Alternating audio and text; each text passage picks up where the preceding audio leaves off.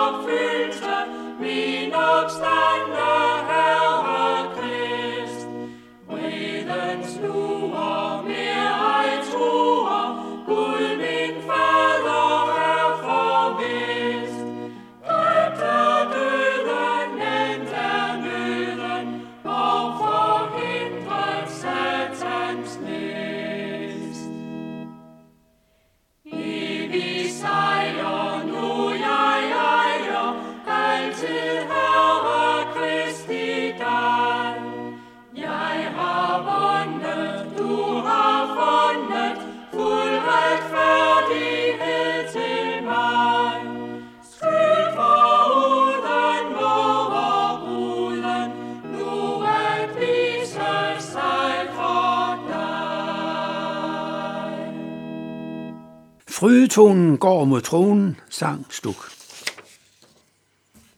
I vers 32 til 39 i kapitel 10, der står der, Jesus sagde til dem, mange gode gerninger fra faderen har jeg vist jer. Hvilke af de gerninger vil I stene mig for?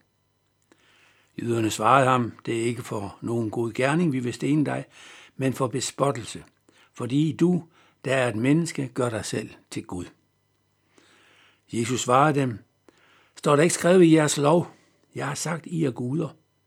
Når loven kalder dem guder, som Guds ord er kommet til, og skriften kan ikke rokkes, siger I så til ham, som faderen har helliget og sendt til verden, du spotter Gud.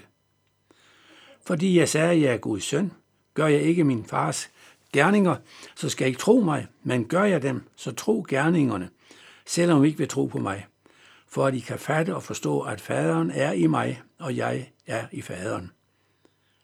Så vil de igen gribe ham, men han slap, slap væk fra den. Jo mange af de jødiske tilhører stod nu med en stor sten i hånden, redde til at kaste den på Jesus, for nu var målet fuldt.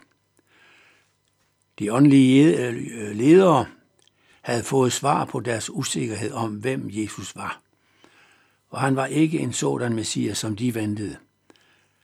Nej, han var langt mere. Han påstod han indirekte med sin tale, at han var Guds søn. Ikke bare i en symbolsk betydning, nej, helt virkelig. Men Jesus spørger så de jødiske åndelige ledere om, hvilke af hans under, der gør ham fortjent til døden. De svarer egentlig ganske logisk ud fra deres måde at se på Jesu gerninger – at de ikke vil straffe ham for nogen af hans gode gerninger, men for hans hovmod. Ja, Guds bespottelse. Han gør sig jo til Gud. Og Jesus forsvarer sig så ved at påpege, at der i jødernes lov står, I er guder. Det er salme 82, vers 6, han citerer. Og den handler netop om dem, som Gud har indsat som fyrster og dommere i Israel. Guds ord er kommet til dem, på samme måde som Gud gav profeterne deres opgaver.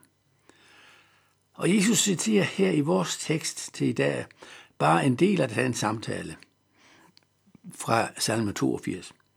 Han ville minde dem om, hvem han var, ved at hans jødiske tilhører får øje på denne salme. Og han vidste, at de kan den udenad. Den lyder, jeg, og jeg det er Gud, har sagt, I er guder, I er alle sønner af den højeste. Sønner af den højeste, det kan sige som alle mennesker, som udfører en opgave, som de har fået af Gud. Hvor meget mere kan så der ikke siges om den, som Gud har udsendt, for at fuldføre det største og vigtigste af alle Guds hensigter, opfylde Guds formål med mennesker. I anklager mig for at spotte Gud, fordi jeg sagde, at jeg er Guds søn. Men jeg, Jesus, er bare det, som Gud Fader har gjort mig til. Og det er den tanke, som går gennem hele Johannes evangeliet. Jesus gør ingenting af sig selv. Han gør sin fars gerninger. Han er udsendt. Han er en gesandt fra Gud, altså en med fuldmagt fra Gud til at handle helt i Guds sted. Derfor vidner hans gerninger om, hvem han er. Den, som ikke vil tro på Jesu ord, burde i det mindste ud fra hans gerninger have forstået, hvem han er. For hans gerninger var jo tegn. Ikke bare noget uforklarligt og mærkeligt, der skete. Nej, de vidnede om Gud for de mennesker, som havde øjne at se med. Men det havde Jesu modstander jo ikke. Som han for lidt siden med sin henvisning til Esajas' profeti havde påpeget over for den. I skal høre og høre med intet fatte. I skal se, men intet forstå. For dette folks hjerter er dækket med fedt, og med ørerne hører de tungt, og deres øjne er lukket til, hvor de ikke skal se med øjnene, høre med ørerne og fatte med hjertet. Det var de jødiske åndelige leders situation. De, der nu stod foran ham med en sten i hånden, redde til at slå Jesus, Guds bodbringer, ihjel, fordi de ikke kunne, ikke ville indse, hvem han er. Ham, som Gud havde helliget og sendt til verden. Med ordet helliget anvender Gud her et ord, øh, der betyder indvielse egentlig. Og det kunne anvendes om templets indvielse. Så måske hentyder Jesus her til tempelindvielsesfesten, som jo nu forestod. Her er så en antydning af, at tiden nu er kommet for en ny indvielse til et nyt tempel, til en ny tjeneste. Jødernes tilbedelse af Gud i Jerusalems tempel antydes dermed at være forbi nu. En ny tid forestår, hvor Gud skal tilbedes gennem tro på ham, Jesus, som Gud har udsendt til menneskets frelse, Ja, Jesus stod nu her foran dem. Det er det, der antydes her. Om de jødiske tilhører forstod det fuldt ud, eller ej, det kan vi ikke vide med sikkerhed. Men nu havde de med hans egen udsagn hørt, at han siger, jeg er Guds søn. Og det var et bevis for hans gudsbespottelse efter deres opfattelse. Og de ville igen gribe ham, anholde ham og sætte ham i fængsel. Men Adam mislykkes det. Johannes siger ikke noget om, hvad det skyldes, men han antyder uden ord, hvad den virkelige årsag er. Ingen kunne gribe Guds søn. Ja, intet menneske kunne gribe ind i Jesu liv. Det var helt og holdent i Guds hånd. Han alene gjorde, hvornår Jesus skulle fanges og korsfæstes. Han afgjorde alene, hvornår frelsesværket skulle iværksættes. Og vi skal nu til slut høre Gud efter dig, jeg længes, som synges af Sela Kvartetten. Gud.